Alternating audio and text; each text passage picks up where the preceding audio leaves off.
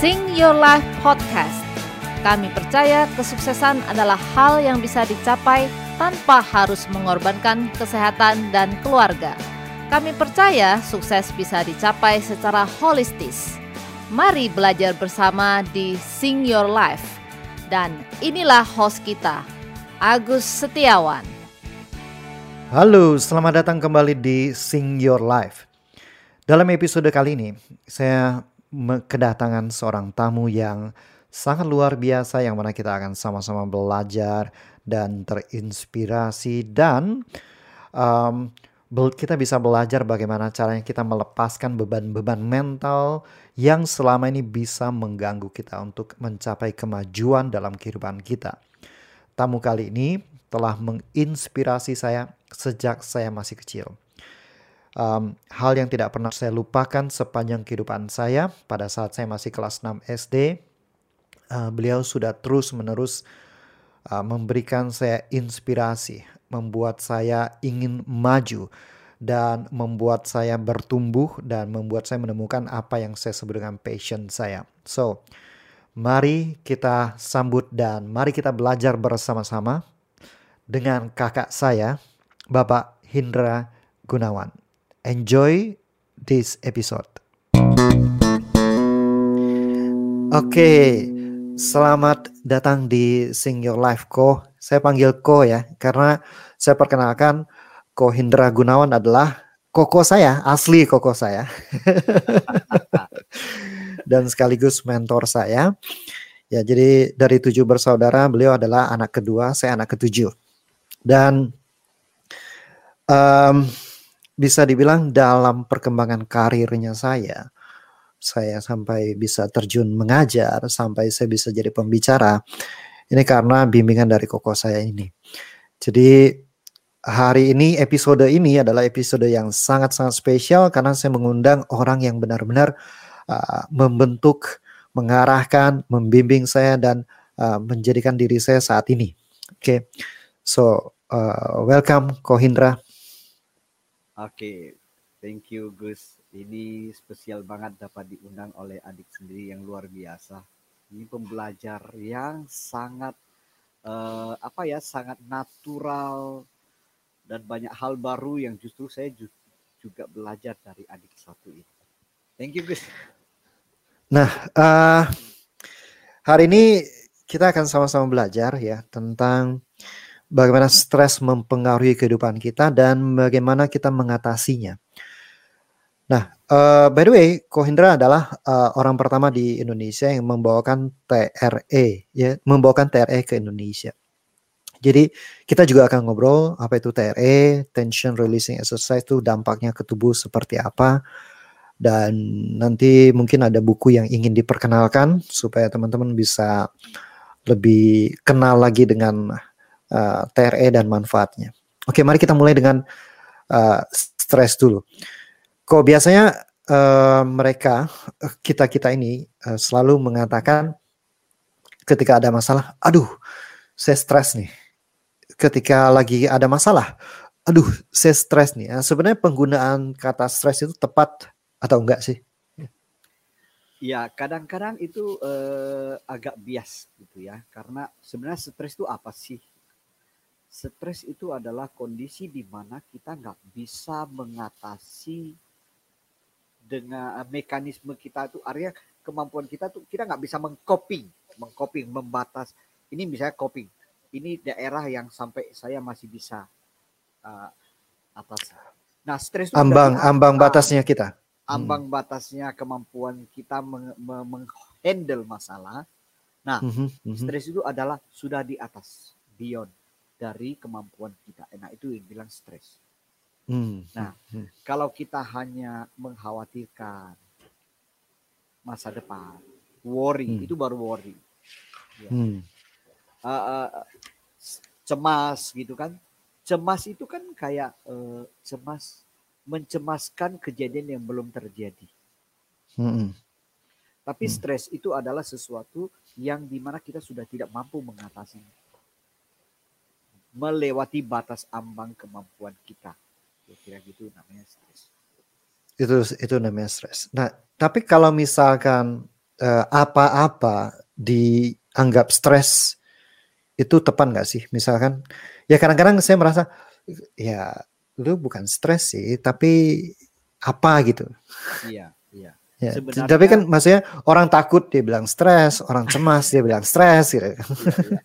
Pokoknya uh, pakai satu kata stres orang sudah ngerti lah gitu kan. nah, tapi kalau kita apakah ada dampak tuh kalau kita pakai kat, satu kata stres sama kalau kita bisa mengenali emosi-emosi tertentu apakah itu akan memberikan perbedaan atau sama aja gitu?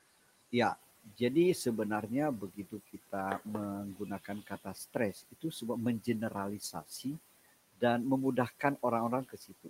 Dan dan kalau orang pakai langsung kata stres itu kan kayak ya sudah dia kayak menyerah aja mm-hmm. untuk mengatasi masalah itu. Tapi kalau dia mengenali lebih jauh, ini termasuk mencemaskan. Ini dia masih bisa atasi. Nah, cemasnya itu yang kita pelajari. Itu cemasnya kita itu kadang-kadang orang definisikan jadi stres kan Gus. Hmm. Ya kan? Nah, padahal kalau kita cemati itu baru cemas belum sampai tingkat stres. Cemasnya itu mm-hmm. dibagi dua. Hal-hal yang bisa kita atasi mm-hmm. dan hal-hal yang tidak perlu atau di luar kemampuan kita. Misalnya cemas akan masa depan, cemas akan COVID.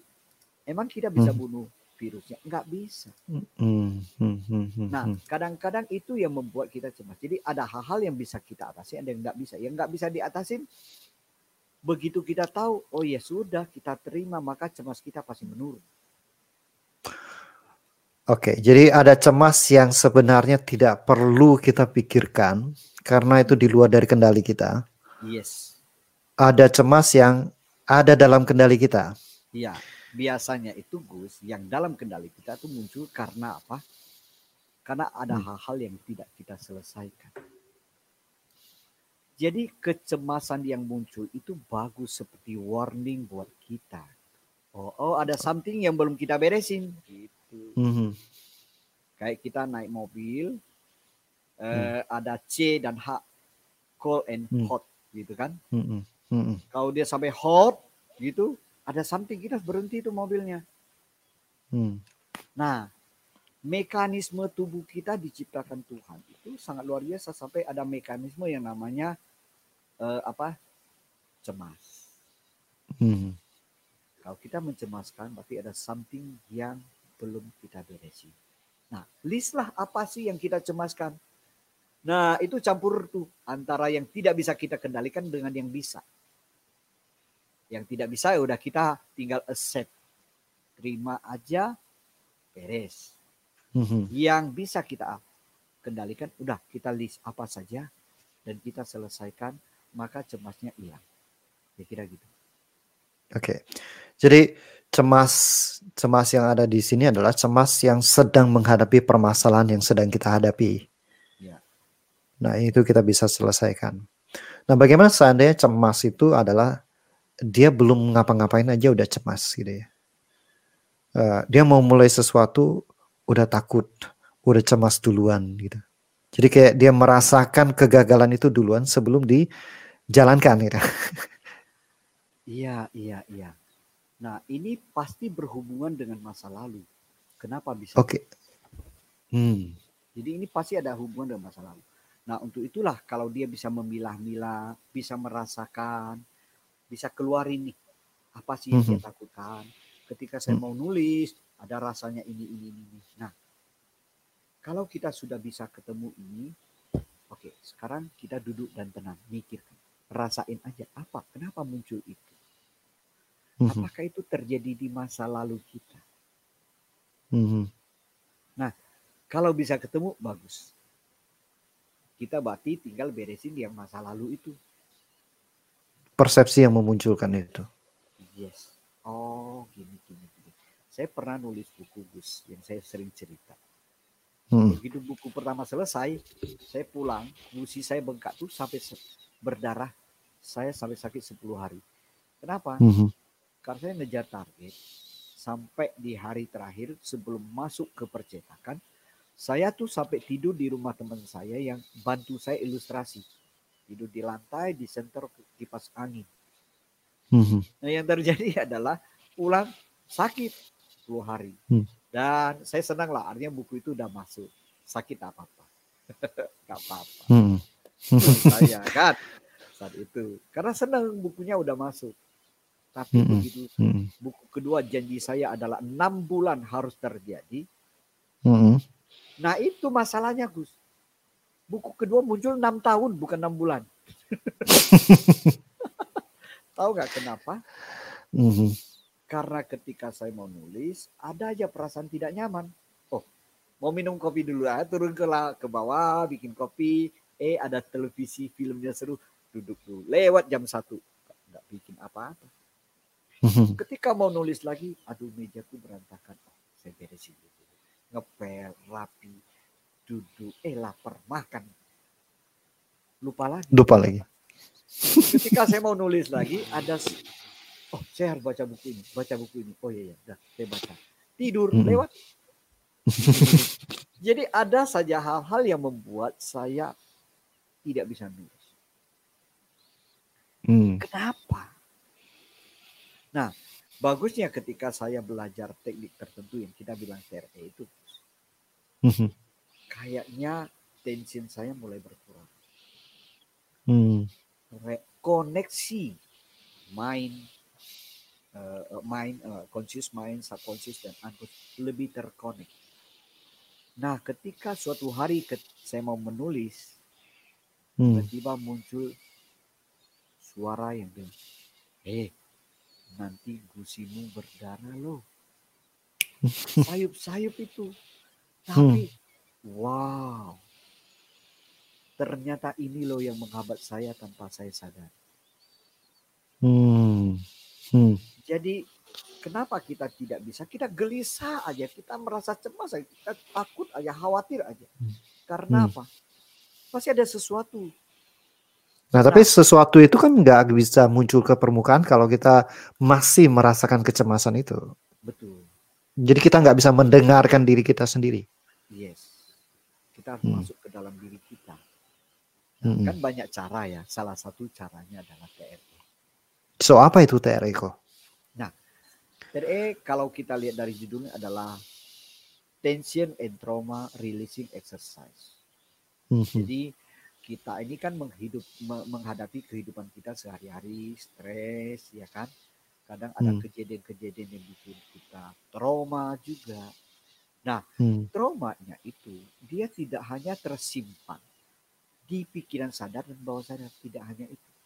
Tapi dia juga masuk di dalam unconscious daerah tubuh kita daerah tubuh kita. Unconscious. Ini yang paling menarik sebelum kita masuk lebih jauh. Ketika okay. saya pergi ke Filipina eh, pas korban Topan Hayang 2013, jadi saya perginya pas hari raya kedua atau ketiga Imlek. Hmm. Begitu selesai yang kedua, saya terbang pergi ke Filipina karena kita rombongan TRE dari dunia ya TRE dunia mau membantu korban topan Hayan di situ yang menelan 6.600 orang meninggal. Oke. Okay. Nah, sampai di sana, Gus, itu bandaranya itu kayak ala kadarnya, seng-seng, pokoknya kacau deh, berantakan. Dan waktu uh, keluar dari pesawat juga jalan kaki udah jalan biasa gitu karena ditutup seng doang. Dan yang paling menarik adalah pemandangan orang-orang banyak orang bule di sana. Jadi mereka itu bawa benderanya, bawa macam-macam. Ini intinya adalah orang-orang yang sosial, hmm. kerja sosial. Di situ saya melihat bahwa kemanusiaan itu luar biasa, rasa kemanusiaan, saling tolong menolong dari seluruh dunia itu luar biasa. Terus kita naik mobil, nah sepanjang perjalanan kita menyaksikan rumah-rumah itu tadi itu rumah berantakan. Ada yang tersapu bersih, bahkan ada kapal yang besar banget itu sampai di jalan aspal. Bayangin. Itu luar biasa. Hal yang menarik adalah begitu kami sampai di sana, kami mohon izin untuk melakukannya. Kami udah diusir pulang. Udahlah, pulang aja kalian terlalu hmm. banyak volunteer sukarelawan yang datang. Dan Ma mereka banyak, bingung sudah. Iya. Selain bingung juga dia mereka me, me, mensinyalir hmm. bahwa warganya itu yang trauma tambah trauma. Hmm. Kenapa? Karena mereka datang tanya-tanya, pasti overwhelmed kali hmm. overwhelmed. Hmm. Hmm. Makin nangis, makin histeris, makin takut itu hmm. kayak luka dibuka. Hmm. Hmm. Itu tekan ya kasihan banget. Maka hmm. kami. Lulu sakitnya di mana? Berarti iya. sakit. Nah, akhirnya kami disuruh pulang. Tapi bagusnya pimpinan kami waktu itu, Chris Basley dari Colorado bilang, oh kalau kita TRE kita nggak usah cerita masalah kita. Kita hmm. hanya melakukan melakukan senam, exercise, dan tubuh kita yang akan melepaskan trauma itu. Mhm. Maka kami bekerja tiga minggu di sana. Nah, ini yang paling menarik. Jadi ketika ada satu event yang bikin kita stres, kecewa, marah, takut, itu mempengaruhi satu, dua, tiga. Conscious, subconscious, dan unconscious tubuh kita. Okay. Selama tubuh kita masih tension, mm -hmm. Dia masih menyimpan memori dan emosi itu. So kalau kita bercerita tentang kondisi stres ini, ini akan memperkuat tension kita. Dan itu yang kita bikin, bilang retraumatisasi. Traumanya tambah kuat. Karena waktu cerita tuh semacam mengafirmasi kembali. Yes, yes. Jangankan itu, setiap hmm. 9-11. Sering kan nonton di TV, kita di gedung tinggi ada pesawat, bom. Kita lihat hmm. banyak kali aja. One day ketika kita berada di gedung tinggi lalu ada pesawat, munculnya apa? Hmm. Asosiasi itu, itu muncul. Hmm. Nah itu yang namanya vicarious, vicarious trauma. Trauma karena pengulangan, pengulangan, pengulangan. Hmm. Nah kita terus terus di stres yang terus menerus ini Gus. Hmm. Nah Akhirnya kami bekerja di sana, Gus. Hmm. Dan itu kami menyaksikan orang yang tiap sore satpam yang ngangkat ratusan mayat itu tiap sore dia menggigil ketakutan kayak gitu tiap sore. Hmm. Hmm. Pada saat proses itu dia juga ngalamin itu. Pada saat proses dia, TRE. Biar itu dia tenang. Besoknya dia ikut lagi. Dan hmm. dia laporkan sekarang tiap sore dia tidak pernah mengalami hal yang sama. Sebentar saya ambil charger. Ya, sekarang setiap sore dia tidak lagi mengalami hal yang sama lagi seperti itu. Hmm. Artinya apa? Traumanya lepas.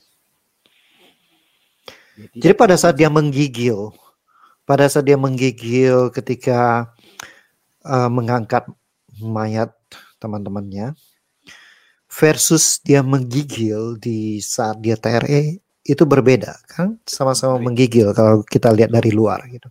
Hmm. Betul. Jadi uh, kalau setiap sore dia menggigil itu karena memang uh, uh, sudah penuh ketika trauma kayak gelas ini. Terima hmm. traumanya udah penuh. Dia tumpah, tapi masih penuh. Masih penuh. Enggak Jadi, oke. Okay. Tapi kalau TRE itu betul-betul kayak menggali, dengan exercise, dia melepaskan dengan bertar dia melepaskan tensionnya, maka dia menggigil lagi. Hmm. Dan itu betul-betul kita membuat suasananya safe buat dia. Hmm. Ketika safe merasa aman, maka dia bisa lebih berani untuk melepaskan lebih jauh. Hmm. Mengosongkan nah, gelas kecemasan itu. Yes. Nah, ketika dia sendiri dia nggak ada rasa safety, dia merasa takut kenapa bisa begini, maka dia cuma sebentar aja sampai permukaannya uh, air full sama lagi dia nggak bisa hmm. keluar lagi. hmm. Maka uh, tujuan dari kita kita sebagai provider TRE itu adalah menciptakan situasi yang aman untuk orang bisa betul-betul melepaskan beban-beban mereka. Sebelum kita makin jauh, uh, apa sih TRE dan apa peran dari TRE? TRE itu adalah uh, uh, TRE itu adalah sebuah mekanisme atau kita singkatkan aja ya hmm. tujuh gerakan senam yang membuat tubuh kita bisa melepaskan beban-beban yang dialami, tension yang dialami, karena tension itu juga mengundang stres dan emosi di dalamnya, juga artinya melepaskan emosi, sehingga dia kembali menjadi balance. Sebenarnya hidup kita tidak seimbang karena terlalu banyak stres yang membuat kita tegak. Dan itu yang hmm. membuat kita emosi berlebihan, mudah tersinggung, susah tidur, cemas hmm. berlebihan. Itu kondisi yang tidak tidak imbang, tidak hmm. tidak balance.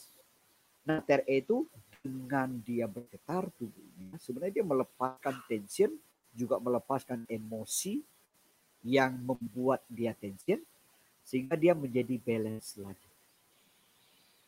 Kira-kira gitu.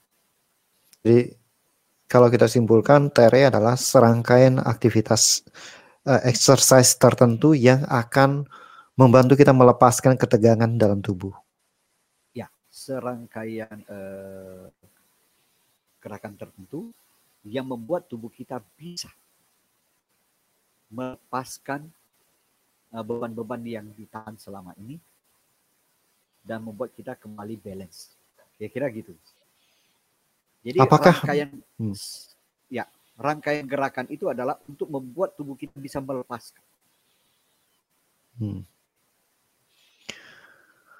Apakah itu sesuatu yang tepat untuk di, dijalankan ketika kita sedang menghadapi trauma tertentu seperti contoh kasus di Filipina itu adalah uh, current issue current current issue atau misalkan ketegangan itu sudah terjadi di masa lalu dan itu semacam hambatan mental yang sudah tertanam pada diri kita. Apakah itu juga bisa? Ya, dua-duanya bagus banget. Dua mm -hmm. Kan ada event yang sangat besar kayak kejadian di Filipina. Itu yang membuat membuat terjadi trauma dan stres dalam tubuh kita. Tapi ada event yang pelan-pelan, tapi akumulasi hmm. juga bisa menimbulkan masalah baru buat kita. Gitu. Hmm. Jadi sebenarnya tubuh kita tuh luar biasa diciptakan Tuhan. Artinya gini, kalau misalnya ada apa-apa, tubuh kita langsung bereaksi. Dan hmm. itu bagus. Misalnya ada harimau tiba-tiba. Hmm. Maka kita langsung lari. Ya kan? Hmm. Dan kita simpatiknya nyala. larinya simpatiknya nyala. Dan dan itulah sebabnya kenapa kita selalu merasa tangannya dingin, kakinya dingin, tahu kan?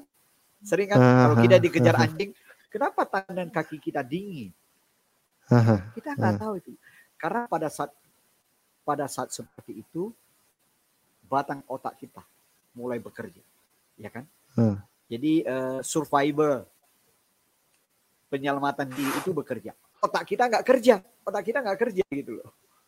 Pikirannya, okay. otak kita nggak kerja. Ya. Nah, dan pada saat itu darah itu dipompa ke otot-otot yang besar, ke kaki, otot-otot paha, otot-otot betis, darah ngalir hmm. ke situ. Jadi yang otot-otot kecil di tangan dan di kaki, telapak kaki. Nggak dapat bagian. Otot, nggak dapat bagian. Itu semua ketarik ke situ. Makanya tangan dan kaki kita merasa dingin. Saya pikir selama ini, karena ya. saya dikejar anjing, larinya terlalu cepat. Makanya tangannya dingin. Kena angin gitu kan. ya, tapi kenapa tangan? Kenapa paha tidak dingin gitu? Hmm. Karena darah ngalirnya ditarik ke situ supaya kita ready untuk menyelamatkan diri. Nah, hmm. kira gitu. Oke, kita balik lagi. Yes. Jadi manfaat dari TRE itu untuk apa aja? Jadi jadi gue sebelum sebelum ke situ. Ketika okay, okay. kita kita sebelum eh, gitu ya, ketika kita uh, ngalamin kondisi yang itu, sebenarnya tubuh kita tuh diciptakan Tuhan untuk melindungi kita. Maka kita bisa lari. Simpatik, hmm. simpatik. Kita mode on gitu kan. Hmm. Nah, itu bagus untuk menyelamatkan menyelamatkan kita. Bayangin kalau ada harimau lalu kita nggak lari, kita masih mikir ini harus saya apain ya harimau matilah hmm. kita, ya kan? Nah, problemnya adalah setelah event itu tidak ada, dia masih dalam kondisi itu. Hmm, butuh waktu untuk kembali ke parasimpatik. Iya, jadi uh, uh, uh, bisa ada harimau, kita lari. Hmm. Jadi ada pengalaman traumatis. Nah, pengalaman traumatis ini ketika dia berada dalam lingkungan yang biasa, dia masih ada di situ. Itu yang bikin problem. Makanya kadang-kadang gini, kita sekarang sebenarnya set aja aman-aman aja, tapi kita kok cemas, kita kok takut. Karena kondisi ini tidak lagi sama seperti pada saat ada hari mau nggak ada, tapi kenapa kita hmm. takut? Hmm. Nah, itulah yang mengganggu hidup kita sehari-hari sebenarnya. Nah, itulah yang harus dilepaskan. Jadi salah satu manfaat RE adalah bisa melepaskan kecemasan, stres, trauma kita sehingga kita betul-betul bisa hadir sepenuhnya di sini. Greatness in moment. Iya, kenapa kita nggak bisa hadir? full di hmm. sini. Mm-hmm. Karena kita ada trauma masa lalu yang mhm. mencuri mm-hmm. perhatian kita, mengambil sebagian energi kita, dan kecemasan akan masa depan yang juga mencuri perhatian kita saat ini sehingga kita jadi segini cuman harusnya segini nih harusnya lebar jadi sempit lebar perhatian kita lebih lebar gitu ya lebih hadir sepenuhnya kalau kita sembahyang begitu khusyuk kalau kita ngomong sama orang yang nyambung gitu kan. Hmm, hmm. Tapi menjadi segini karena tercuri khawatir masa depan dan trauma masalah. Nah, Jadi sempit itu, karena sebagian dimakan oleh masa lalu, sebagian dimakan oleh masa depan. Betul. Jadi perhatian kita ber, pada saat ini jadi sempit sekali gitu. Betul. Nah, dan itu hmm. membuat kita kembali. Hmm, hmm, hmm. Hmm. Makanya membuat orang hidupnya betul-betul bisa menikmati momen ini gitu. Kan sayang banget hidupnya sekarang tapi perhatiannya terbagi kedua bagian yang tidak ada efek apa pun. Kita jadi tidak bisa menikmati hidup. Atau udah tua aja gitu kan. gitu guys. Yes, yes, yes, yes. Jadi TRE membantu kita melepaskan masa lalu kita, perhatian kita terhadap masa lalu, perhatian kita tetap terhadap masa depan, sehingga kita bisa fully present. Iya, iya, betul. Makanya moto moto dari TRE itu kalau saya baca di spanduk-spanduk itu love more, better relationship, dan find peace. Betul. Iya, yes, betul. Kita bisa menemukan kedamaian Hmm. Karena apa? Damai itu nggak ada hubungan dengan orang luar. Gak bisa, eh kalian damai saya baru bisa damai. Nggak ada itu. Hmm. Kalau saya masalah lagi, beres lah baru baru baru saya damai. Nah, nggak bisa. Hmm. Kalau misalnya kita lagi dapat lotre lah, atau dapat hmm. hadiah BMW gitu ya. Oke. Okay. Kita dikritik pada saat itu, nggak apa-apa. Betul nggak? Tapi ketika yeah, yeah. kita lagi kesal, ada orang hmm. yang memuji kita, kita lihat dia, kita curiga nih, ada apa kok muji saya? Jadi kedamaian itu ada hubungan dengan yang luar. Damai di dalam, damai di luar. So, begitu hmm. nervous itu kita menurun, kita akan bisa damai, hadir sepenuhnya, hmm. bisa nikmati hidup. Jadi banyak sekali teman-teman yang belajar ter itu dia bilang Pak saya diserang panik dan anak saya yang umur lima tahun mau main sama dia dan saya jadi galak sama dia bayangin dan saya tahu saya nggak boleh tapi saya nggak bisa setiap sore saya galak aja setiap sore saya marah dan gak jelas mm-hmm. dan saya muntah-muntah nah begitu dia belajar TRE apa yang terjadi dia bilang emang sekarang ada corona ya dia tidak khawatir lagi tapi bukan ignore kan? bukan ignore. Dia cuma bilang, emang sekarang ada corona ya? Ya saya tahu sih, saya saya tetap pada, tapi biasa aja. Sekarang sama anak hmm. main bareng, tidur bareng sama anak. Oh anak happy sekali. Hmm. Hmm. Nah itu yang membuat dia present, hadir sepenuhnya dalam hidup kita. Waktu hmm. itu tidak bisa dikembalikan.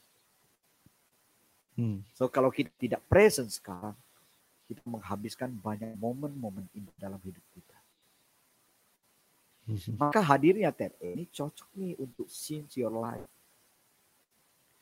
Kita tetap bisa hmm. produktif dan kita memberesi hal-hal yang bisa menimbulkan stres dan sebagainya. Jadi kita tetap sharp, tetap sangat tajam ke depan. Ya, salah satu prinsip untuk kita bisa produktif, kita bisa menyelaraskan semua aspek kehidupan kita adalah greatness in moment. Hmm. Benar-benar ada di saat ini sekarang. Ya. Nah, uh, kita mungkin kilas balik sedikit. Uh, gimana Kohindra bisa ketemu dengan TRE? Oke, okay. uh, jadi gini, saya percaya satu hal bahwa karena saya adalah seorang guru, saya bekerja mengajar sejak masih duduk di bangku SMP. Saya suka sekali mengajar dan saya merasa dunia pendidikan adalah dunia saya dan saya percaya satu hal, guru hanya bisa berikan yang terbaik kalau dirinya baik. Kalau guru tidak punya disiplin, dia nggak bisa mengajari disiplin. Kalau guru tidak suka belajar, dia nggak bisa mengencourage anak-anak untuk suka belajar. Kalau dia hmm. melakukan itu sama dengan dia memberikan seseorang kepada anaknya se sebutir telur. Ini telur loh, tapi tidak ada isinya. Untuk apa? Hmm. Gak hmm. ada isinya. Nah, maka saya belajar banyak supaya guru-guru jadi lebih baik. Training kepada guru-guru supaya guru-guru yang di itu menjadi sebuah pribadi yang lebih baik, lebih bagus, yang berkurang muatan-muatan luka batinnya sehingga dia bisa lebih memberikan edukasi kepada anak dengan lebih baik. Nah, kira-kira itu. Jadi tugas saya, saya tahu bahwa sekarang tugas saya adalah membimbing guru-guru supaya mereka jadi lebih baik. Tapi akhirnya saya punya masalah juga. Dan itu sangat tidak bisa saya terima selama lima tahun. Saya belajar hmm. banyak banyak sekali saya belajar dan saya aplikasi kepada diri saya enggak work enggak work hmm. sama sekali kita kan Dalam dulu pernah belajar hipnosis kita ya. belajar NLP ya ya saya nggak bisa mengaplikasikan diri saya hmm. Uh, rasa kemarahan itu tuh luar biasa dan itu sudah boleh dibilang dendam hmm. saya struggle karena di agama kita diajarin untuk memaafkan Mm-hmm. Maka ketika saya lihat bisnis saya malah tambah bagus, udahlah saya putuskan untuk memaafkan. Mm-hmm. Eh begitu saya telepon, dendam saya naik lagi. Mm. Saya struggle, ada apa? Kenapa memaafkan tidak bisa? Padahal ya baik-baik aja sih. Mm-hmm. Mm-hmm. Nah, Kehidupannya baik. Dalam, mm. Iya, maksudnya ya ya udahlah itu kan udah lewat gitu kan yes mm-hmm. conscious mak nah mm -hmm. saya beruntung banget dalam rangka saya pergi ke Singapura dalam rangka uh, perjalanan belajar belajar saya uh, ada coaching 9 bulan di Singapura jadi setiap tiga bulan kita datang tiga hari full kemudian PR-nya banyak sekali di tiga bulan yang pertama, saya tiga hari yang pertama saya datang, di akhir itu orang ajari kami kayak kami ada 60 orang, 61 orang dari mancanegara. Kita hmm. diajarin TRE. Itu hanya hmm. demo. Nah, hanya demo. Jadi demo. Saya tidak bergetar. Yang lain bergetar. Hmm. Jadi saya cuma hmm. lihat kiri, lihat kanan. Kenapa mereka getar-getar? Hmm. Oh, hmm. mungkin mereka menggetarkan dirinya sendiri secara sengaja ya sudah hmm. pulang tiga bulan yang kedua datang lagi kan hmm. dikasih lagi training itu hmm. RE itu dan saya bergetar loh hmm. pas saya bergetar itu saya berpikir loh loh loh berarti tiga bulan yang kemarin itu mereka getar beneran nggak dibuat-buat nah yang menarik adalah ketika saya bangun saya nggak bisa berdiri jatuh ke samping Oke. Okay. Karena pada saat itu saya cuma menggetar kaki kanan. Huh. Oh, kaki kiri. Lebih banyak. Kaki kanan masih kurang. Ta tapi karena demo kan cuma sebentar. Hmm. Nah, trainernya suruh saya miring ke kanan terus dikasih uh, kayak penyangga. Penyangga. Hmm. Oh, itu sakit sekali. Karena otot kaki sebelah kanan jadi kenceng. Hmm. Hmm. Bukan karena TRED jadi kenceng, sebenarnya kencengnya sama, misalnya 10 10. Hmm. Ini jadi 6, ini jadi 9. Jadi hmm. terasa sini lebih kenceng, 6 sini 9. Jadi tubuh kita tuh mensensor mana yang lebih kenceng. Terasa kok hmm. lebih kenceng padahal sebenarnya udah lebih kurang. Cuman karena tidak imbang. Hmm. Nah, setelah dibantu akhirnya saya bisa uh, bisa berjalan. Nah, satu setengah tahun setelah itu diadakan training TRE full. Nah, ini, mm-hmm. itulah saya datang lagi untuk belajar. How do you feel? How do you feel setelah shaking yang kedua, TRE yang kedua, yang yang sampai nggak uh, bisa berdiri? Setelah lewat, apa yang dirasakan? Jujur saya tidak terlalu peka, orang yang hmm. tidak terlalu peka. Tetapi saya merasa biasa aja sih, karena itu hmm. cuma sebentar. Hmm. Tapi uh, pas training yang full itu, Gus, tubuh saya bergetar dengan sangat kencang dan ada rasa sesak di dada dan tubuh saya bergetar terus sampai ke tenggorokan dan rasanya saya pengen teriak. Hmm. Dan tiba-tiba saya teriak, rasa lega, ada something yang lepas. Saya nggak tahu itu apa yang lepas, tapi saya merasa lega, ringan sekali. Teriakannya teriakan marah atau sekedar teriak uh, kayak tanpa emosi? Uh, ada emosi marah gitu saya rasa. Tapi kayak hmm. kayak juga kayak mengeluarkan sesuatu. Ah, itu muka saya terasa panas kan. Sampai hmm. petugas hotel buka pintu ini training apa nih teriak-teriak. saya ingat banget itu. Nah, uh, setelah itu eh, tiba-tiba muncul wajah teman saya. Aneh, kok muncul dia? Hmm. Ya, saya nggak mau telepon lah, rugi dua kali. Satu, rugi takut sakit hati. Kedua, rooming. Hmm. Kan gitu kan. oh, di, lagi di Singapura soalnya. nah, pulang ke Indonesia, saya telepon. Bisa aja gitu. Malah bisa ketawa-ketawa. Habis tutup telepon saya bingung, apa ya kok bisa ini ya? Keren banget. Itu yang membuat saya merasa, oh, this is very special. Jadi Lepas semua marah, semua dendam Lepas. hilang. Biasa aja gitu. Bisa ketawa bayangin. Hmm. Makanya sekarang secara pribadi merasa dekat dengan teman saya. Jadi kalau Ma, saya ke kota jadi, dia, saya harus cari dia ngobrol di Starbucks kopi. Jadi sekarang malah jadi dekat.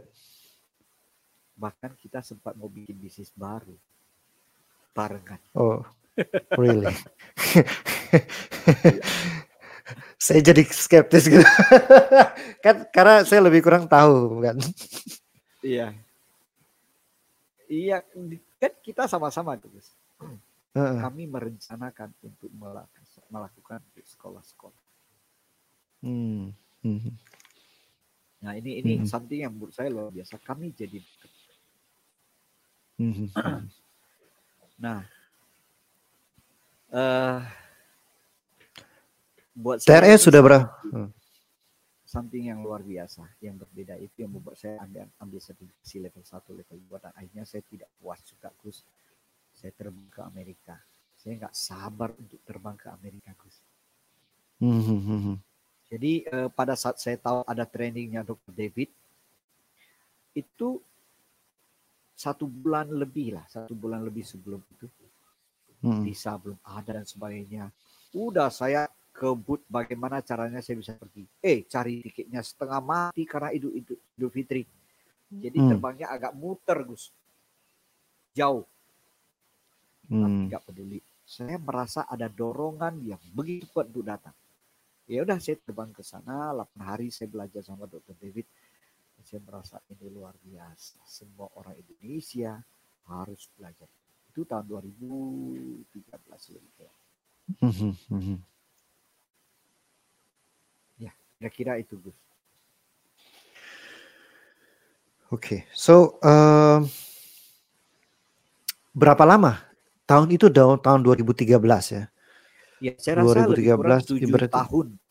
7 tahun. Setengah tahun sudah. Ya. 7 tahun, tujuh setengah tahun mengajarkan TRE di Indonesia. Apa cerita-cerita yang paling unik yang pernah ditemui? Oh, begitu dibilang paling unik itu udah muncul di pikiranku banyak sekali nih. Luar biasa buat saya ya mengalami pengalaman teman-teman yang belajar TRE itu kayak sebuah kesadaran yang mengatakan gini loh. Ini, ini luar biasa adalah Tuhan. Bukan manusianya. Yang luar biasa bukan manusianya. Ya, Tuhan yang luar biasa. Tuhan menciptakan tubuh manusia begitu sempurna. Dan tubuh kita tuh ternyata bisa menghiling diri kita sendiri yang hebat adalah tubuh, orang. Yang hebat adalah orang. Eh, siapa yang menciptakan? Tuhan yang luar biasa. Bayangin Gus. Uh, ada orang yang shaking tubuhnya yang tebal itu perutnya yang tebal itu dia nggak mm -hmm. sedikit ya kemudian jadi tipis pada saat dia bergetar itu kayak ditekan perutnya dan Oke. Okay. Uh, dan apa yang terjadi? Di, dia dia cemas tiga tahun, panik, hmm. nggak hmm. bisa keluar rumah, keluar dari ruangan saja, Gus, dari kamarnya. Kalau ruang tengah gelap dia nggak berani keluar. Hmm. Ruang dia tengah gelap dia nggak berani keluar. Nggak berani keluar. Dia ada di dalam kamar doang. Tiga tahun. Dia kalau misalnya mandi nggak berani dia tutup pintunya. Kenapa? Takut pingsan panic attack, asam lambung, uh, cemas berlebihan, pokoknya luar biasa. Kak berani ketemu orang, lalu hmm. uh, uh, ternyata dia punya masalah dalam kandungan. Ya kita bilang polycystic ovary syndrome, PCOS. Itu adalah penebalan dinding rahim yang membuat dia tidak bisa hamil. Dan okay. itu membuat dia punya hormon testosteron, hormon laki-laki lebih lebih besar. Makanya mm -hmm. dia punya kumis. Oke. Okay. Nah, begitu dia TRE, keluar sesuatu. Sampai tiga hari, hari ketiga itu sampai segenggam keluar. Itu kayak dari kulit kulit dari dirinya, dari tubuhnya. Dan itu kayak kayak cakar ayam, Gus. Setelah dianalisa oleh dokter kandungan, itu adalah penebalan dinding rahim yang lepas. Oke. Okay. Bagaimana dia dengan hanya bergetar, Gus, tubuh kita bisa melepaskan itu. Maka hmm. dokter kandungan ini bilang dirimu udah siap hamil. Wow. Ini something yang luar biasa betapa luar hmm. biasanya tubuh kita, kecerdasan tubuh kita. Dia bisa menghiling diri kita sendiri. Yang diperlukan hmm. adalah percayalah sama tubuh kita. Percaya sama tubuh. Bahasa kerennya, berimanlah pada tubuhmu. Sampai begitu, Gus. Yeah. Yeah, yeah, nah, bagaimana dia nggak usah operasi, Gus? Dia nggak usah minum obat, nggak usah disuntik macam-macam tubuh kita melakukannya. Pada saat terjadi itu saya sempat shock. Kok bisa? Bagaimana saya bisa menjelaskannya? Iya, iya. Kalau dari, dari sisi Nah, dari sisi kedokteran itu kan nggak nggak nggak masuk kan? Betul. Ternyata itu murni kecerdasan tubuh manusia. Bayangin, pikiran kita dengan tubuh agak beda. Pikiran kita baru wadah kayak gelas kosong. Diisi hmm. air teh satu gelas teh. Diisi hmm. air uh, air hitam kopi jadi air kopi. Diisi fisika pinter fisika. Diisi uh, politik pinter politik. Kira-kira hmm. gitu. Itu pikiran baru potensi. Tapi tubuh enggak. Tubuh kita cerdas sejak dilahirkan kita makan apa pun waktu kecil belajar mencerna enggak tubuh kita enggak dia langsung bisa mencerna makanan mm -hmm. So, sama dengan ini. Tubuh kita ternyata kecerdasannya bisa menghiling diri kita sendiri. Ketika kita membiarkan tubuh kita yang bekerja, benar-benar membiarkan dia bekerja, maka dia bisa melakukan apa yang diperlukan. Seperti kita makan, kita nggak mikir, oh ini saya hari ini mau cerna tempe, tahu, atau buah anggur.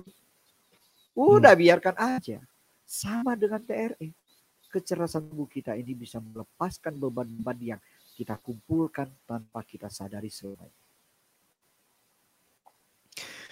Kalau Kohindra kan yang membawa TRE ke Indonesia, penemu dari TRE itu latar belakangnya seperti apa? Ya, Dr. David Berseli, beliau adalah orang yang pernah membantu Bunda Teresa juga. Jadi beliau bukan sembarangan orang memang. Kemudian beliau bekerja di eh, zona-zona uh, perang di sembilan negara di Timur Tengah, di Yaman, di Ethiopia, di uh, Palestina, Israel, di Mesir, di Yordania, pokoknya ada di sembilan hmm. negara. Hmm. Dan dia membantu orang-orang untuk lepaskan trauma. Belum ketemu Tere itu. One day okay. ketika dia di, ada di Afrika, ketika bom meledak dan hmm.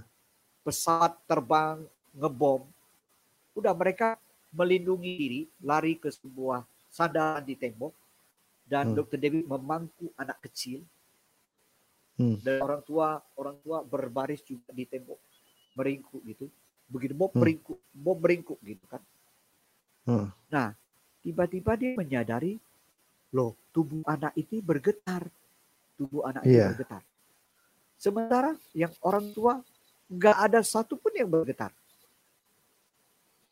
nah hmm. inilah hebatnya dokter David dia sangat peka. Kayak Isaac Newton, eh, hmm. jatuhnya apel ke, ke kepala, hmm. jatuhnya ke bawah. Hmm. Kita kalau jatuh kesempatan untuk makan, kan Gus? Di Isaac Newton tidak dia mempertanyakan sama dengan Dr. David dia mempertanyakan kenapa anak-anak kecil bergetar tapi orang dewasa tidak. Oke. Okay. Nah, lalu dia wawancara. Cara yang hmm. paling simpel wawancara. Dia tanya orang hmm. dewasa.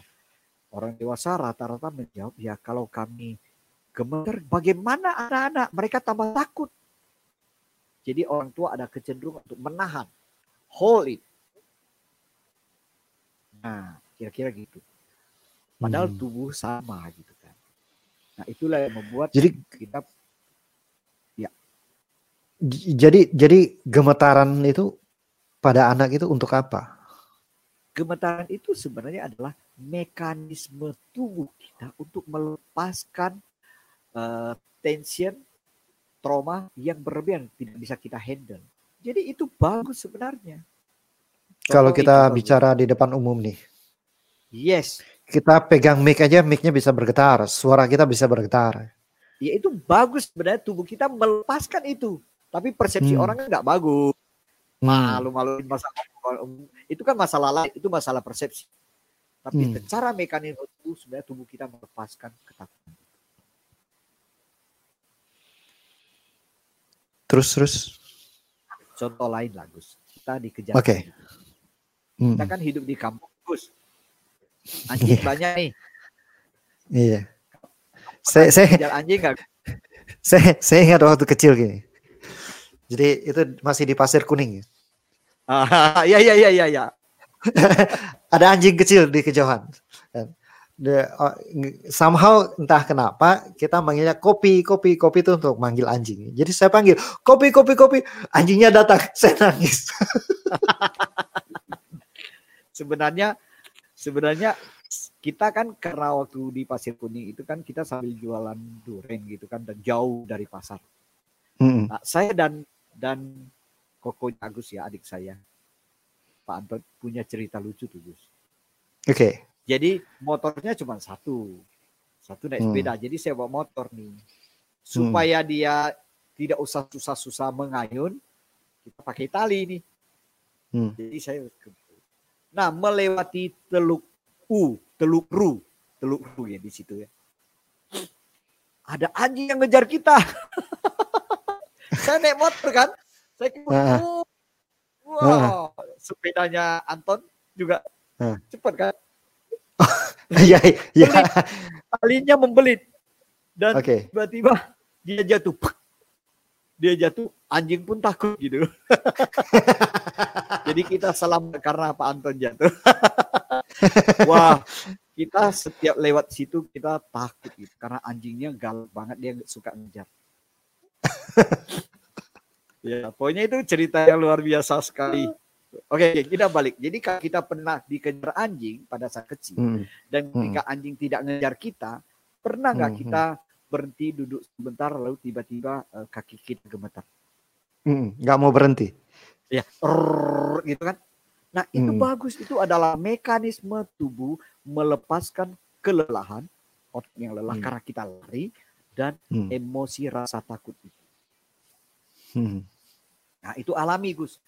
Jadi hmm. salah satunya adalah tension, otot kita harus tegang dulu, lelah, kemudian hmm. kita sudah tidak tidak rileks. Nah, pada saat itu sebenarnya otot kita mengirimkan sinyal ke otak, bahaya sudah berlalu melalui afferent neuron. Lalu hmm. otak memerintahkan, kalau gitu getarkan, maka terjadilah getaran. Jadi sangat ilmiah. Kenapa? Dan kenapa harus dalam bentuk getaran? Uh, karena ketika kita tension, uh, ketika kita kita ototnya kita meregang, itu kan kenceng nih. Nah untuk hmm. melepaskan kenceng ini kan dia harus bergetar. Eh ototnya oh. dia, ya kayak hmm. gitu. Yeah, yeah. di, di, dikendorkan, dikendorkan. Dikendorkan. Nah istilahnya di, hmm, hmm. Dan hidup kita kan penuh dengan masalah, stres dan sebagainya. Itu yang membuat otot-otot kita kenceng. Periksalah leher dan bahu. Coba ditekan. Kenceng nggak? Hmm. Nah, Ah, Karena saya bisa masak sendiri sih ini nggak kenceng. ah, itu bagus itu. Kalau misalnya kenceng artinya kita hold tension. Hmm. Nah, untuk membuat dia tidak kenceng, kita perlu rilekskan. Caranya apa? Hmm. Bergetar. Tapi kan tidak lucu setiap mau bergetar suruh anjing ngejar kita dulu.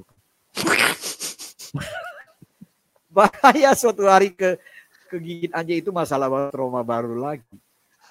Oleh karena itu Dr. David merancang sebuah serangkaian kegiatan yang hmm. uh, seolah-olah otot itu dibikin lelah. Setelah selesai, disuruh tiduran, relax. Nah, pada saat relax itu dia mengirim sinyal melalui afferent neuron ke otak, otak perintahkan secara efferent neuron ke tubuh bergetarlah maka terjadilah ketat. Hmm. Kira-kira begitu. Itu sangat ilmiah. Jadi, nah, bisa bergetar. Itu kita kaitkan dengan kejadian-kejadian fisik. Ya. Nah, kejadian mental yang membuat kita stres, kita tegang. Uh, apakah itu juga membuat maksudnya kejadian-kejadian yang sifatnya itu mental ya karena persepsi mental kita kita menghadapi masalah apakah itu juga akan mempengaruhi tubuh kita jadi tegak gini untuk menjawab ini coba kita testing testing terus kita tutup okay. mata sama-sama ya kita tutup mata ya Oke. Okay. Bagi anda yang benar, anda tutup mata. Anda bayangin. Anda ya, jangan anda... jangan tutup mata kalau lagi nyetir ya. oh iya, iya bahaya ya. Ya. Uh, okay. mata. Bayangin, bayangin Anda lagi di pan terik matahari jam siang, haus banget. Anda main olahraga lah, mau sepak bola atau Anda, Anda haus sekali. Tidak ada minuman hmm. di sana. Anda buru-buru pulang, sampai rumah Anda berharap buka kulkas ada air dingin, air air es yang dingin ya, air hmm. putih dingin. Begitu buka nggak ada yang ada cuma jeruk nipis semua. Semua jeruk nipis, gak ada yang lain. Maka aduh, terpaksa Anda belah jeruk nipis, Anda keluarkan lidah, Anda peras tetes ke lidah Anda. Dan Anda hmm. nggak puas, Anda akhirnya keluarkan lidah, lalu Anda belahannya jeruk nipis Anda gesek-gesek di lidah Anda. Aduh, kecut. Nah, sudah cukup. nah, pertanyaan saya, ada keluar air liur gak, Gus? Ada kan? Basah. Tapi nggak ngeces kan ya? Enggak, enggak, enggak. Enggak, enggak. Bisa yang nonton video ini bisa cek saya nggak ngecas.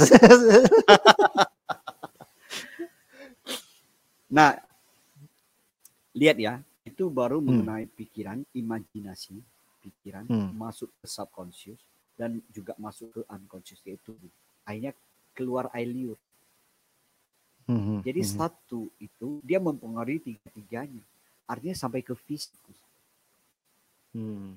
So kalau kita punya trauma aja, kita punya masalah yang kita pikirkan, tubuh kita langsung hmm. tension. Hmm. Nervous system kita naik ke arah simpatetik. Nah, kalau naik ke arah simpatetik, udahlah tubuh kita sudah pasti tension. Hmm. Simpan di situ. Jadi nggak bisa dilepaskan ini. Tiga-tiganya nggak bisa. Dia terhubung otomatis itu. So hmm. kalau kita bukan secara tension, secara tubuh, hmm. tapi secara emosi, itu otot kita. Nah, contoh, contoh yang simpel, marah marah kita pasti maju padanya. Tak mungkin marah orang sampai begini. Marah pasti marah sambil munduran. Eh, gue marah banget loh sama Iya, ya kan. Bahasa tubuhnya nggak sinkron. Iya. nah, so begitu kita marah, kita maju, otot kita mengalami tension. Hmm. Jadi emosi takut, tension. Hmm. Oh mau dibuka kita tension, kita hold. Jadi apa pun emosinya, dia juga mempengaruhi tubuh kita. Hmm. So sama aja. So lepasin tension, dia juga melepaskan emosi penyebab. Jadi karena emosi menyebabkan tension di tubuh, kita melepaskan tension, maka kita juga rilis emosi itu. Yes. Nah, sudah nggak ada lagi di situ. Dan yang hmm. paling menarik Gus, ada seorang peserta saya yang sudah diterapi selama enam tahun Mm-hmm. Kita nggak sebut namanya lah ya. Beliau saya sangat respect juga. Di beliau dipukul oleh ayahnya pakai sapu lidi panjang untuk menekuk kasur. Mm. Jadi pendek segini. Menjadi pendek banget menjadi 20 persen. Sisanya nancap di bahu. Pakai baju putih ke sekolah berdarah-darah. Bayangin masih SD digituin ada rasa sakit hati, takut, malu, cemas, dan dendam. Itu luar biasa. Sudah diberesin enam tahun. Beres karena dia mau jadi anak yang berbakti. Selesai. Hmm. Ketika dia lakukan TRE bersama saya pertama kali, muncul rasa sakit di situ. Rasa sakit dia, di tempat dipukul. Dipukul. Dan dia bilang, Pak, Pak, saya nggak suka emosi ini, Pak. Saya nggak suka ini dan di sini sakit. Oke. Okay. Hmm. Apa yang emosi itu?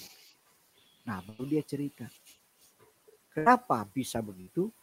Karena hmm. dia secara tubuh belum lepas, Gus. So, kalau kita mengalami pengalaman yang bikin kita trauma, stres dan lain-lain, itu sebenarnya penjara kita tuh ada tiga. Secara hmm. main, secara conscious, subconscious, dan unconscious. Untuk lepas perlu lepas ketiga-tiga.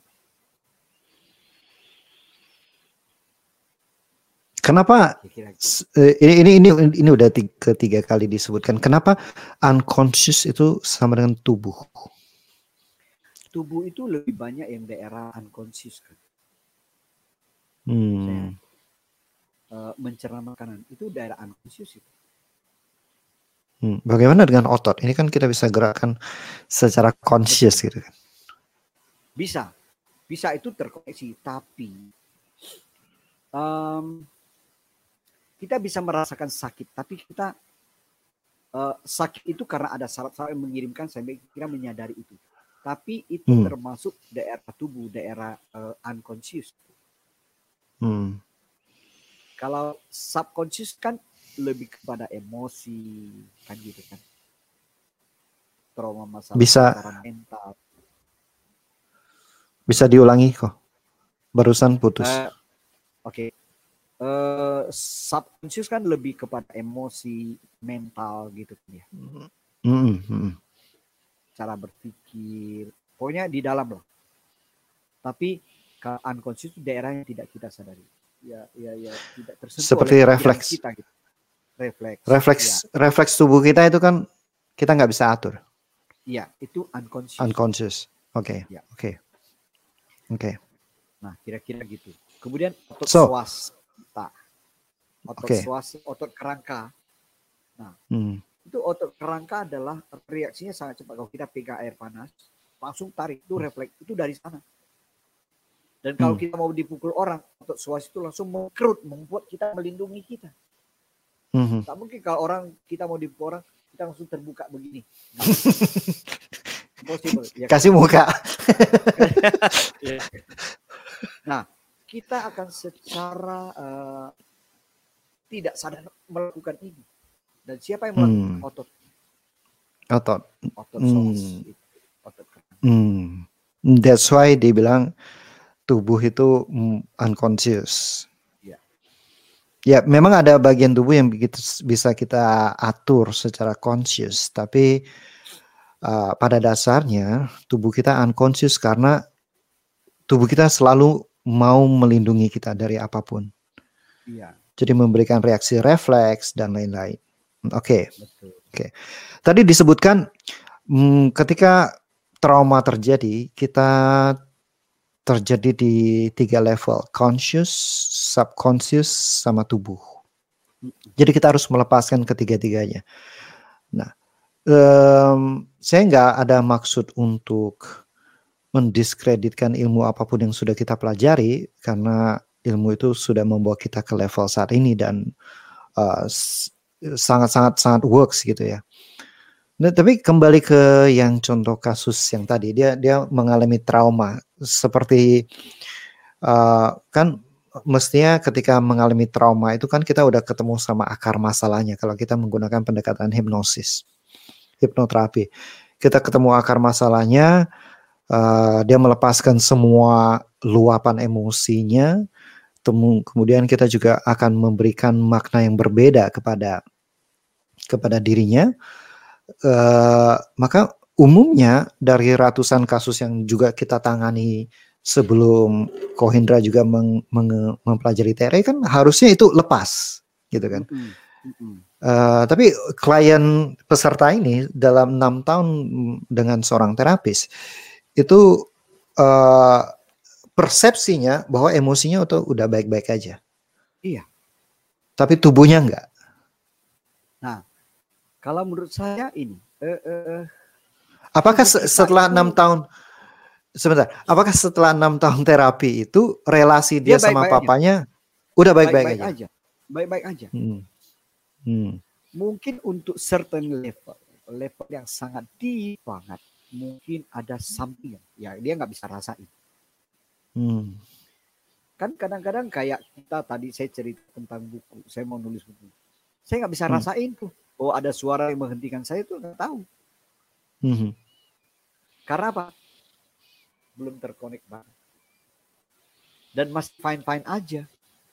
Hmm. Tapi begitu dia bergetar, begitu saya bergetar, itu kan lebih dekat nih, lebih merasakan, lebih peka. Hmm. Barangkali untuk level sampai seperti itu baru dia sadari. Hmm. Tapi artinya sebelum dia terjadi baik-baik saja korelasinya udah baik. Hmm. Tapi mungkin ada hmm. sangkut-sangkut kecil-kecil yang halus yang mungkin tidak disadari, yang tidak pernah muncul juga ke permukaan mungkin. Tidak mengganggu relasi juga mungkin. Hmm. Tapi sesungguhnya ketika mulai masuk ke situ terasa dan dia ya. Mm, dan dia mengatakan dia nggak suka sama emosi itu. Karena dia berarti melepaskan itu. Hmm. Dia merasa aneh kok ada lagi gitu. Hmm. Kan sudah hmm. lepas gitu. Hmm. Hmm. Ini something yang membuat saya merenung. Mungkin untuk level-level sangat berat masih ada tersimpan dalam tubuh. Ya artinya udah bersih lah tapi belum sangat-sangat bersih mungkin istilahnya hmm. Hmm. Hmm. So apakah TR ini hanya untuk orang yang punya masalah traumatis seperti kasus-kasus unik ini atau misalkan like seperti saya everyday people everyday life yang Baik -baik ya kita menghadapi permasalahan-permasalahan yang bukan menyebabkan sebuah traumatis tapi permasalahan-permasalahan yang ya menantang lah dalam kehidupan kita sehari-hari gitu. Yang yang membuat kita stres dalam bekerja gitu. Yes, yes. Uh, apakah kita butuh sampai teknik TRE ini gitu mungkin di umur-umur kita yang sekarang akumulasinya apalagi kalau Agus banyak belajar itu bisa membantu mengurangi sehingga masih belum terasa. Tapi mungkin di waktu-waktu yang akan datang bisa jadi akumulasi itu menyebabkan banyak hal yang lain.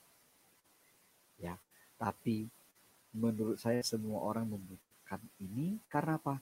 Tidak ada orang yang hidup tidak lepas uh, uh, lepas dari masalah kita hmm. berkumpul dengan orang yang tidak kita sukai, kita berhubungan dengan orang yang suka atau tidak suka dan tidak selalu campur baur. Hmm. Nah, hal-hal yang tidak suka itu, walaupun kecil, akumulasi itu yang bisa membuat akhirnya kita mengalami susah tidur, baperan, emosian, tidak terkonek, kira-kira hmm. kayak gitu. Nah, itu akan mencuri kehadiran kita saat ini. Hmm. Maka dengan adanya TE, bukankah itu lebih bagus membuat dia jauh lebih bersih, lebih lebih lebih apa ya, lebih present, lebih hadir, bisa nikmati hidup banget dan untuk level-level tertentu tidak bisa masuk ke dalam bagian yang lebih deep. Hmm. Lebih deep itu maksudnya gini. Kita lihatlah Nelson Mandela yang dipenjara 27 tahun Mahatma Gandhi yang ditembak tapi dia tidak uh, uh, uh, uh, uh, dia tidak pernah mau Bo balas. Boleh boleh boleh boleh diulangi kok. Uh, barusan okay. gangguan ya. sinyal. Hmm. Oke. Okay. Sebelum sebelum kita, Mahatma kita, Gandhi. Ya, ya kita lihatlah Nelson Mandela yang 27 tahun di penjara. Hmm. Dia tidak ada rasa dendam sedikit pun. Bahkan muncul dengan sebuah kesadaran yang sangat dalam untuk membangun negara dan memberikan hmm. kepada umat manusia. Sama dengan Mahatma Gandhi. Kenapa orang bisa sampai itu? Karena kalau dalam pemahaman TRE konsepnya dia sudah masuk pada bagian dia uh, uh, uh, masuk pada bagian di bawah yaitu parasimpatetik. Parasimpatetik itu kan di bawah dah. Social hmm. engagementnya hmm. bagus dan sebagainya. Tapi dia lebih bawah lagi yang bersentuhan bersentuhan dengan hal yang uh, lebih spiritual, lebih uh, terkonek dengan alam semesta, energi-energi hmm. seperti itu. Dan hmm. orang-orang hmm. yang sudah sampai di level itu akan datang dengan banyak ide-ide untuk kemuliaan umat manusia. Kerja sosial, hal-hal yang akan dia lakukan untuk membuat manusia jadi lebih baik kayak gitu. Hmm. Kalau kita bisa sering melakukannya, pemahaman kita kita akan masuk. Dan pada saat itu tentu like frekuensi lah ya. Kita still 92,0 kalau di Jakarta dapat sonora. 95,9 dapatlah smart FM. Kayak gitu. Ketika kita sudah sampai level itu, kita kayak menarik hal-hal yang mirip-mirip dengan kita. Hmm, karena kita di frekuensi itu. Yes. Hmm. Jadi kalau misalkan nih for everyday people like me gitu ya. Hmm. Everyday people like pendengarnya Sing Your Life ini. Uh, apa dampaknya dalam kehidupan mereka kalau mereka bisa mensinkronkan conscious, subconscious dan unconscious? Yes ini pertanyaan yang bagus banget. Uh, analoginya mungkin uh, bunga mawar yang penuh dengan duri yang kita ambil. Mm, oke. Okay. orang awal-awal tidak tahu, semak sekali, pokoknya mau dapat sebanyak mungkin bunga mawar, dapat luka, dapat luka, kena duri nih, iya, tapi dia masih kuat.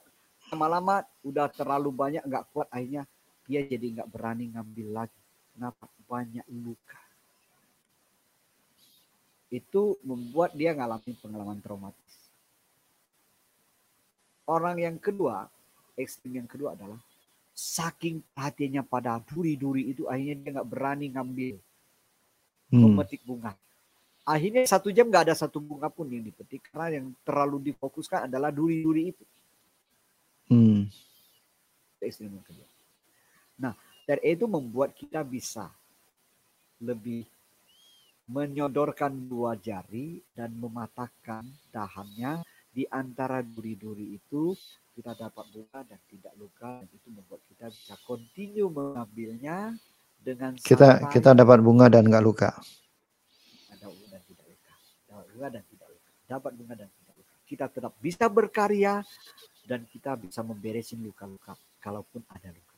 Artinya kita lebih santai sehingga kita lebih waspada, lebih hadir sehingga kita tidak lagi terjebak dalam duri-duri itu di antara eh, apa kena duri itu. Hmm. Mudah-mudahan analoginya dapat ya. Jadi uh, karena gini, gini Gus. Uh, hmm. uh, kalau ada satu event yang terjadi kan tergantung pada reaksi kita Gus.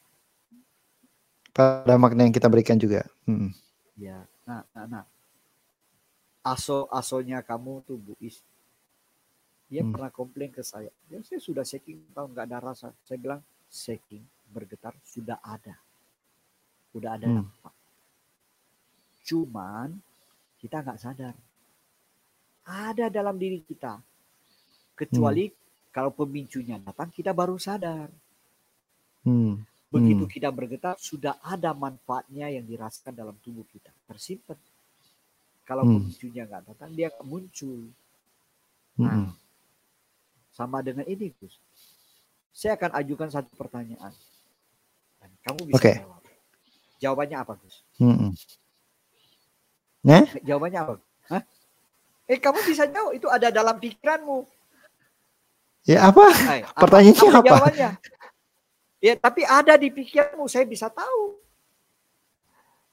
Uh, pertanyaannya nah, apa? Oke, oke. Tapi ada dalam Pemicunya apa gitu ya? Iya. Siapa presiden RI pertama gitu kan? Siapa Halo? presiden RI pertama Gus? Siapa presiden RI pertama? Soekarno. Nah, Insinyur Soekarno. Ada kan bisa jawab kan? Hmm. Sebelum saya tanya, ada nggak dalam dirimu kata Soekarno? Ada di bawah sadar. Ada. Iya. Hmm. Sampai hmm. pemimpin hmm. datang Jadi, dia baru muncul. Ini kayak nah, koko saya lagi jelasin baca kilat kayak. ya, konsepnya mirip kali ya. Nah, yes. Jadi sebenarnya uh, uh, begitu kita bergerak sudah ada dalam diri kita. Hmm. Ketika pemicunya datang, barulah muncul. Hmm. Nah, asalnya kamu, Gus, suatu hari ada satu kejadian dan reaksinya biasanya A, ini totally B, 180 derajat. Hmm. Dan ke, dan masalah itu tidak pernah muncul lagi sampai sekarang. Selesai di saat itu dan tidak pernah muncul lagi. Hmm. Baru dia bilang, oh ini hasilnya saya cek. Hmm. Hmm. Hmm. So, teman -teman, ini kan buat kita, kita hmm. yang buat kita kita yang biasa-biasa gak ada masalah mm. psikosomatis checking kok mm. biasa-biasa aja gak ada itu iya mm. karena kan dia hidupnya tidak banyak masalah dan setiap checking kesadaran kesadaran baru itu muncul dalam diri kita ya kan mm. Mm. cara kita bereaksi pasti akan berbeda tapi karena tidak ada pemicu ya dia nggak muncul mm. nah, begitu pemicunya datang baru muncul dan berbeda sekali wisdomnya jadi berbeda. Hmm. Ini sama dengan uh, sama dengan baca buku ya. Saya sering ditanya, Pak, kalau saya baca sosial media kok saya bisa lama gitu. Tapi disuruh baca buku baru 5 menit, 10 menit saya udah males, ngantuk, udah udah uh. udah nggak konsen gitu uh, apa yang membuat saya baca sosial media seperti itu sedangkan baca buku malah kacau gitu Ya, uh. kita lihat uh, ini adalah tentang fast feedback loop. Apakah kita dapat feedback pada saat kita baca buku? Kita nggak dapat feedbacknya di tiga bulan, enam bulan, setahun, enggak. Kita akan ketahuan setelah kita baca banyak buku, le wisdom kita berubah, pandangan kita berubah, skill kita berubah, uh, dan kita bisa melakukan sesuatu secara berbeda. Nah itu feedbacknya mungkin setelah tiga enam bulan. Gitu. Sedangkan baca sosial media kita langsung dapat feedback, kesel, lucu, marah. nah itu langsung dapat feedbacknya. Jadi uh, mungkin ini sama seperti uh, bisa jadi Anda yang mendengarkan Sing Planner ini, Sing, Sing Planner, Sing Your Life ini adalah orang-orang yang ya Anda ingin bertumbuh, Anda ingin ingin menyelaraskan semua aspek kehidupan Anda, tapi ya Anda juga nggak punya masalah yang uh, berat banget gitu. Jadi ya you kita adalah everyday people-nya kita, everyday everyday ya normal people lah, nggak nggak merasa sampai uh, sesuatu yang ekstrim, tapi juga mau menjadikan kehidupan kita jadi lebih baik. Nah, satu manfaat TRE untuk everyday people ini kaitannya sama conscious, unconscious dan conscious, subconscious dan unconscious ini seperti apa kok? Iya, jadi gini, otak manusia dibentuk diciptakan oleh Tuhan punya kemampuan yang namanya neuroplasticity. Neuroplasticity. Kemampuan ya kemampuan menyesuaikan diri. Dan disinyalir satu hari 70% perubahan sinapnya. 70%. Hmm. Nah, apa yang dilakukan oleh kita-kita supaya uh, uh, koneksi sinapnya itu makin cepat dan makin maksimal? Satu, olahraga. Hmm. Kedua, pelepasan tension. Yang tegang itu akan menghambat. Yang ketiga, tidur yang cukup. Tiga ini. Olahraga, pelepasan tension. Jadi olah-olah yang mengarah ke otot, mm -hmm. otot. Yang ketiga adalah tidur yang cukup. Jadi tiga ini, kalau kita lihat itu semua ada di DRE olahraga ada di TRE, melepaskan Tidurnya. tension ada di TRE. Tidurnya juga jadi nyenyak. Hmm. So, itu akan meningkatkan kemampuan uh, sinap kita, mm-hmm. ikatan neuron kita, dan apa yang kita lakukan dia akan makin cepat. Wisdom hmm. kita akan menjadi deep, lebih deep. Apa yang kita lakukan dia makin kuat. That's why untuk orang-orang seperti biasa-biasa, ya. Uh, putus tadi. Wis wisdomnya akan jadi lebih deep. Ya, ya. Itulah sebabnya Gus untuk orang-orang yang tidak ada banyak masalah, baik-baik saja gitu kan. Hmm. Kemampuan uh, sinetnya itu akan lebih kuat terhadap apa yang dia sedang lakukan. Hmm. Karena ya, kita bingung belajar lebih cepat. Belajar lebih, cepat. lebih kreatif lebih kreatif. Nah, kira-kira kayak gitu. Jadi Bayangin, kalau kita punya hmm. kita di karunia Tuhan punya kemampuan untuk meningkatkan banyak potensi dalam diri kita melalui bantuan TRX, tapi kita nggak lakukan. Kan sayang sekali. Jadi dengan dengan kita uh, kalau bisa dibilang permasalahan yang kita hadapi sebagai manusia itu karena kita tidak being present. Kita sibuk dengan kegagalan-kegagalan amarah-amarah kita di masa lalu. Hmm. Kita sibuk dengan kecemasan kita, ketakutan kita di masa depan. Hmm. Sehingga potensi kita habis terisi oleh hal-hal di masa lalu, hal-hal di masa depan. Benar. Dan dengan TRE itu kita bisa melepaskan uh, energi kita, perhatian kita untuk masa lalu dan untuk masa depan sehingga full perhatian kita itu bisa kita gunakan untuk saat ini. Dan potensi kita akan keluar. Pasti. Hmm. Jadi ini bisa jadikan kendaraan. Nah satu-satunya yang membuat orang merasa uh, kayak tadi baca kilat bilang apa loop reaksi yang cepat dapat itu boleh boleh diulangi kok. Uh, Oke, okay. jadi ini mirip dengan yang tadi Agus bilang tadi kan, yang yang yang dapat reaksi baca sosial media itu dapat reaksi yang sangat cepat. Sementara fast, baca buku kan fast belum. Oke. Okay. Nah, ini sama artinya lagi nih. Mandi. Okay. Kalau Anda jatuh dalam kubangan, badan kotornya luar biasa. Begitu mandi hmm. bersih. Keren banget mandi ya. Kotor-kotor gini bersih perubahannya luar biasa. Bayangin hari-hari Anda tidak terlalu kotor. Hmm. debu-debu dikit Anda mandi. Hmm. Perubahannya Anda terasa nggak? Enggak. Hmm. Biasa aja. Tapi itu Biasa membuat aja. Anda tetap bersih. Kayak gitulah. Hari-hari ketemu orang baru lihat eh ada orang kok parkir sembarang udah kesel, udah muncul emosinya. Hmm. Hmm. Kalau kita sering banget untuk checking, kita lihat itu mah biasa aja tidak hmm. mempengaruhi hmm. emosi kita. Hmm. Jangan-jangan dia kebelet buru-buru ya. Yes. Memahami orang. Maka hmm. bayangin ya banyak sekali orang suci yang mengatakan kalau saya ditampar pipi kiri, saya dikasih pipi kanan. Kita nggak bisa memahami kedalaman spiritualitas orang itu kan. Hmm. Adalah hmm. yang dipukul. Sebelum dipukul aku jatuh dulu supaya dia senang. Atau saking marahnya dia, dia ludahin saya ke muka saya. Terus udahlah saya biarkan kering supaya dia senang. Jijik kali. Berapa jam hmm. supaya kering. Nah tapi dia tidak ter, terpengaruh. Kenapa? Beda level. Kesadarannya beda. Nah, beda level.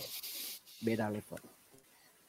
Nah, kalau ada cucu yang bilang, Eh nenek jelek, gigi ompong, muka keriput, rambut jarang jelek nek. Cucu marah, eh, nenek marah nggak sama cucunya? Hmm, ya. Coba nenek Coba. lagi ngomong ke dia itu. Piring, sendok, periuk keluar semua tuh. Kenapa? Karena selevel. Hmm. Nah, bayangin level itu bukan karena umum. Level hmm. kesadaran itu bisa kita perdalam dengan TRI. Indah kan? Ya beda lah. Hmm. Ya, gitu. hmm. Salah satu hal yang selalu saya ingat, ini kayaknya uh, cerita yang Kohindra ceritain ke saya waktu saya masih SD. Hmm. Eh, saya masih ingat banget dan dan ya menentukan pola pikir saya dan dan juga sering kali saya ceritakan ke alumni alumni baca kilat tentang lonceng kok lonceng es krim kah atau lonceng kuil Saulin gitu mm-hmm. Jadi kayaknya dia lupa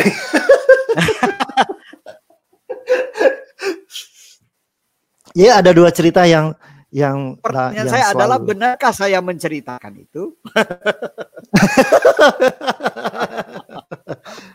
oh iya, ada ada dua cerita. Oke, okay, ada dua cerita. Jadi cerita pertama itu tentang lonceng. Jadi lonceng itu hadir duluan uh, dalam dalam hmm, perjalanan hidup saya baru baru cerita tentang kayu jati.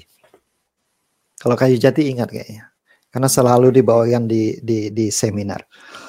Uh, uh, lonceng itu suatu hari Koinda pernah nanya ke saya, Gus kamu mau jadi lonceng kecil yang dipegang sama tukang es krim, yang dikerakin sedikit aja udah bunyi, atau kamu mau jadi lonceng seperti uh, lonceng Saulin yang yang mana mau membunyikan lonceng Saulin itu butuh uh, usaha yang sangat-sangat besar. Gitu.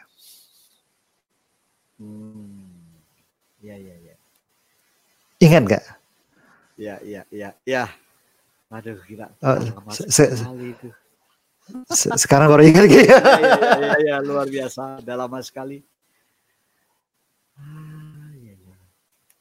Nah, itu itu membuat itu salah satu hal yang membuat saya oh ya saya saya nggak mau permasalahan-permasalahan kecil permasalahan sehari-hari membuat saya sampai harus uh, bereaksi dengan cara yang salah Walaupun bukan berarti setelah itu nggak ada masalah dalam kehidupan ya.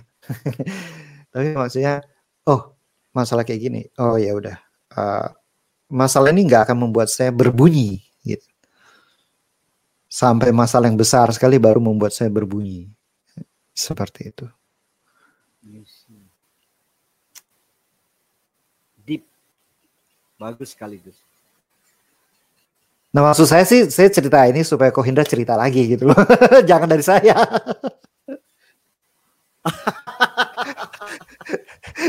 ya udah gak apa-apa. Lewati. Jadi kalau Anda mendengarkan bagian ini abaikan saja.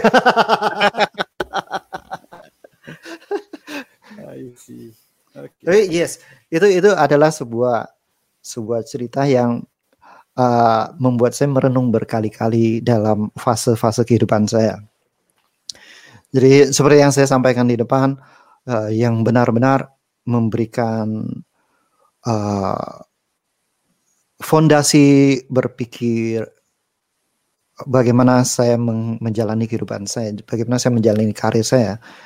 Orang yang paling besar pengaruhnya itu adalah Kohindra. Baru disadari juga sih. Beberapa tahun ini gitu. Jadi ya teman teman-teman tentang TRE, uh, kalau mau cari informasi ada bukunya nggak? Ada ada. Uh, saya kebetulan nggak pegang bukunya. Tension and Trauma Releasing Exercise. Itu satu. Buku kedua hmm, The Revolutionary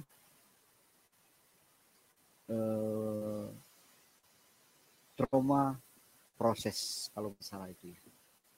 Hmm. The Revolutionary Trauma Process, uh, Release Trauma Process. Antara itulah, saya lupa.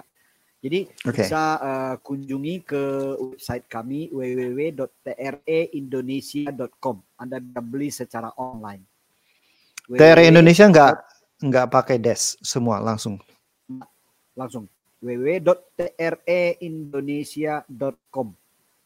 Oke, okay, treindonesia.com Bapak Ibu bisa menemukan eh, buku-buku uh, dari David Berseley yang sudah diterjemahkan ke dalam bahasa Indonesia.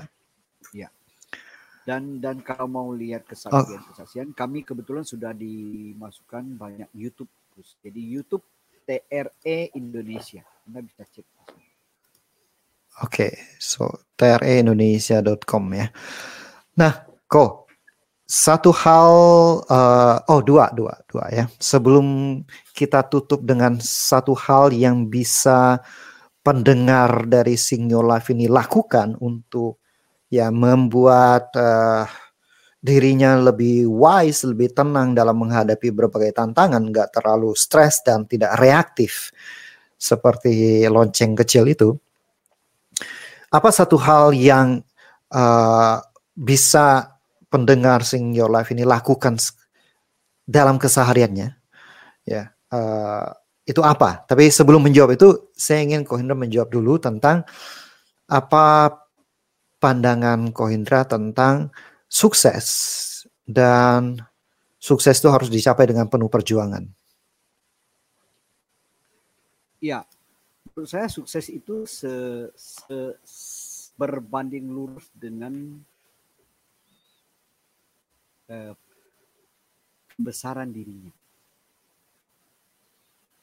Sukses itu berbanding lurus dengan wadah dalam dirinya. Jadi kalau wadahnya 500 mil ya dia cuma bisa terima 500 mil. Kalau wadahnya satu liter ya dia bisa terima satu liter. Besarnya wadah kita itu ya tergantung kepada uh, kehidupan kita, masalah-masalah yang kita hadapi. Masalah-masalah yang kita hadapi itu bisa membuat kita lepas, membuat kita menjadi kelas yang lebih besar, wadah yang lebih besar. Jadi sebenarnya masalah-masalah yang datang itu untuk membantu kita untuk menjadi lebih besar dari diri kita yang sekarang. Jadi suksesnya orang itu selalu sebanding dengan apa yang eh, sebesar dirinya. Kira-kira gitu. Jadi akan sama gitu. Uh, dan sukses itu ya dia kayak frekuensi kalau kita ada di frekuensi itu ya dia akan segitu masalah perjuangan yang harus kita lakukan itu itu jelas kita ter, ter, harus melakukan segala sesuatu Tapi hmm. yang saya lebih suka mengatakan bahwa sebenarnya sejalan dengan seberapa besar diri kita. Nah, untuk memperbesar diri kita itulah kita perlu belajar, kita perlu merenung, dan kita perlu lepas dari kungkungan yang ada selama ini yang menahan kita tanpa kita sadari. Misalnya nih Gus, pernah kan kita kan suka sekali baca kungfu, kungfu boy. Boy. Hmm.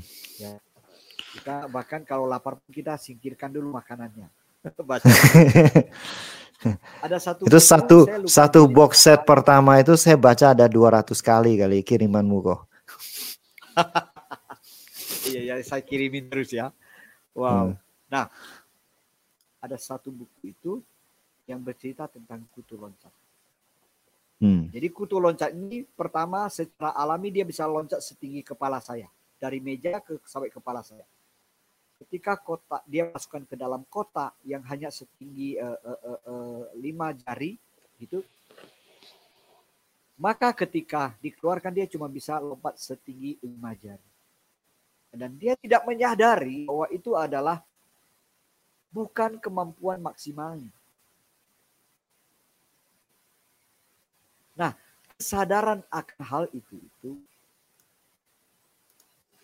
perlu kasih tahu ke dia. Tapi kan dia nggak sadar. Sama hmm. dengan kita. Kesadaran akan potensi diri kita itu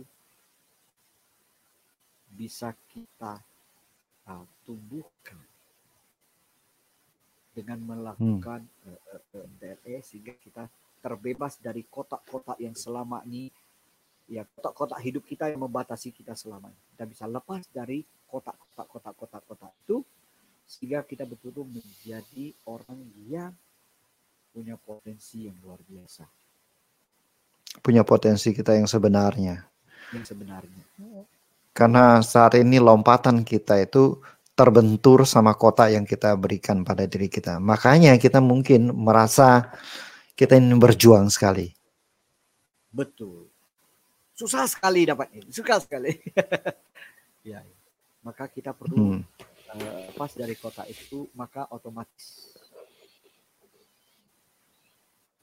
potensi kita akan membuat kita mendapatkan apa yang uh, sesuai dengan diri kita lah kira-kira gitu. Hmm. Jadi artinya kalau kita bisa melepaskan semua belenggu-belenggu, maka otomatis kita juga akan uh, mengetahui potensi kita, kenal potensi kita yang sebenarnya dan uh, pada akhirnya kita nggak perlu sampai kerja keras ber, ya. bukan bukan berarti iya bukan berarti tidak kerja keras ya. Tapi anda sampai meng, mengutamakan uh, pekerjaan di atas segala-gala anda sampai uh, ya mengorbankan keluarga dan mengorbankan kesehatan Betul. karena anda benar-benar melakukan sesuatu dengan potensi Anda yang sebenarnya dengan cara menghilangkan batasan-batasan itu. Ya. Sampai ada hmm. teman di eh, bilang gini Gus, ini kayak hmm. effortless, effortless. Hmm. Karena dia punya pengalaman traumatis dalam keluarganya, ditinggal oleh suaminya, kemarahan yang mendalam. Dia berusaha menerima, uh itu luar biasa. Dia berusaha uh, melupakan, berusaha memaafkan, berjuang habis-habisan. Eh hmm. ketika TRE, lo kok semua biasa-biasa aja. Itu yang dia bilang effortless. Atau bayangin kalau kita selalu bergetar, kemudian membuat kita sampai pada level tertentu, kok kayak effortless ya. Hmm. datang sesuai dengan frekuensinya kita. Hmm. Alright, cool. Satu hal yang bisa kita lakukan, uh, saya dan pendengar Sing Your Life bisa lakukan supaya mereka bisa uh, siap menghadapi stres uh, dan tetap memberikan respon yang wise dalam kesehariannya. Bagaimana? Ya, sebenarnya kondisi-kondisi stres sehari-hari itu bukan musuh kita sebenarnya. Jangan pandang itu sebagai sesuatu yang harus kita tolak Hmm. Justru bukan musuh. Bukan musuh. kondisi-kondisi stres seperti itu sebenarnya semacam uh, tanda-tanda bagi kita, oh ini loh, oh ini loh batasnya, oh ini loh batasnya dalam diri kita. Jadi ketika kita sudah memandang itu sebagai negatif, kita menjadi sangat kabur akan peringatan-peringatan kepada diri kita. Dan akhirnya ketimbang kita memberesi peringatan kita, kita akan jatuh dalam atau tenggelam dalam ketakutan, stresnya kita yang membuat kita kabur dan membuat kita kayak uh, tidak punya ah jadinya. Maka langkah pertama adalah cara kita memandang stres itu harus kita ubah. Bukan musuh kita, itu bagus dan kita ketika ngalami itu kita perlu tarik nafas, lepas apa yang hmm. pesannya buat kita. Hmm. Kenapa ini hadir dalam hidup saya? Apa pesannya? Jadi kita hmm. memandang dia sebagai sebuah sahabat yang menyampaikan sebuah pesan kepada kita. Hmm. Bukan dia membawa seperangkat segerombolan musuh untuk menyerang kita. Bukan, itu bagus banget sehingga kita bisa naik kelas. Orang hanya bertumbuh kalau ada masalah. Kalau besok ujian kita pasti belajar hari ini. Kalau besok enggak ujian, mana belajar malam hari ini. hmm. Jadi stres itu wajar. Wajar dan itu adalah semacam pemberitahuan kita untuk naik kelas. Hmm.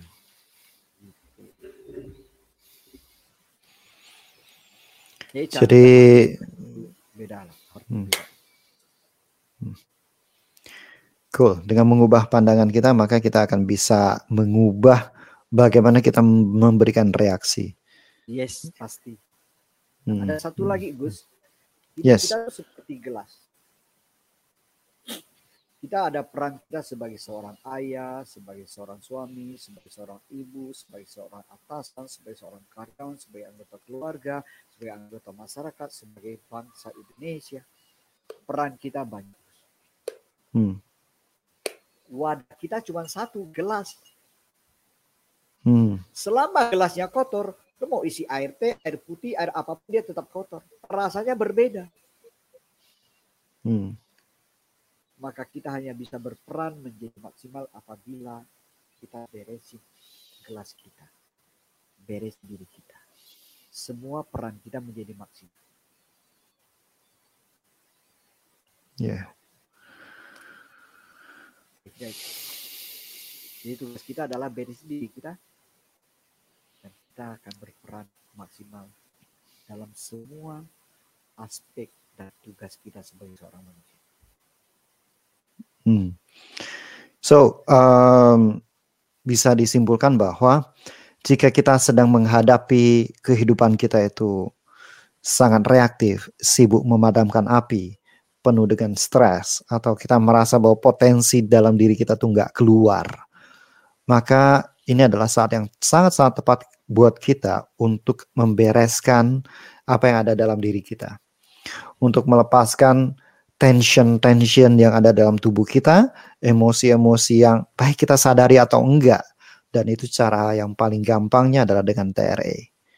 Yes. Kita dengan TRE kita bisa menyelaraskan conscious mind kita, subconscious mind kita dan uh, unconscious kita sehingga kita benar-benar inline ya, sing ya. Jadi kalau kita bilang sing your life ini adalah sing your whole body and mind gitu ya. Yes. Body, mind Karena, and soul dengan TRE. Kalau kita membawa keharmonisan untuk dunia, dunia itu harmonis kalau negara harmonis negara harmonis kalau provinsi harmonis. Provinsi hmm. harmonis kalau kecamatan, kabupaten harmonis. Kecamatan harmonis, kelurahan harmonis, RT harmonis, rumah tangga harmonis. Rumah tangga harmonis karena individunya harmonis. Jadi harus mulai hmm. dari dalam diri kita. Bukan yang di luar. Nah kira-kira gitu lah harmonis ya. di dalam baru kita bisa bawa harmonis Thank you waktunya kok.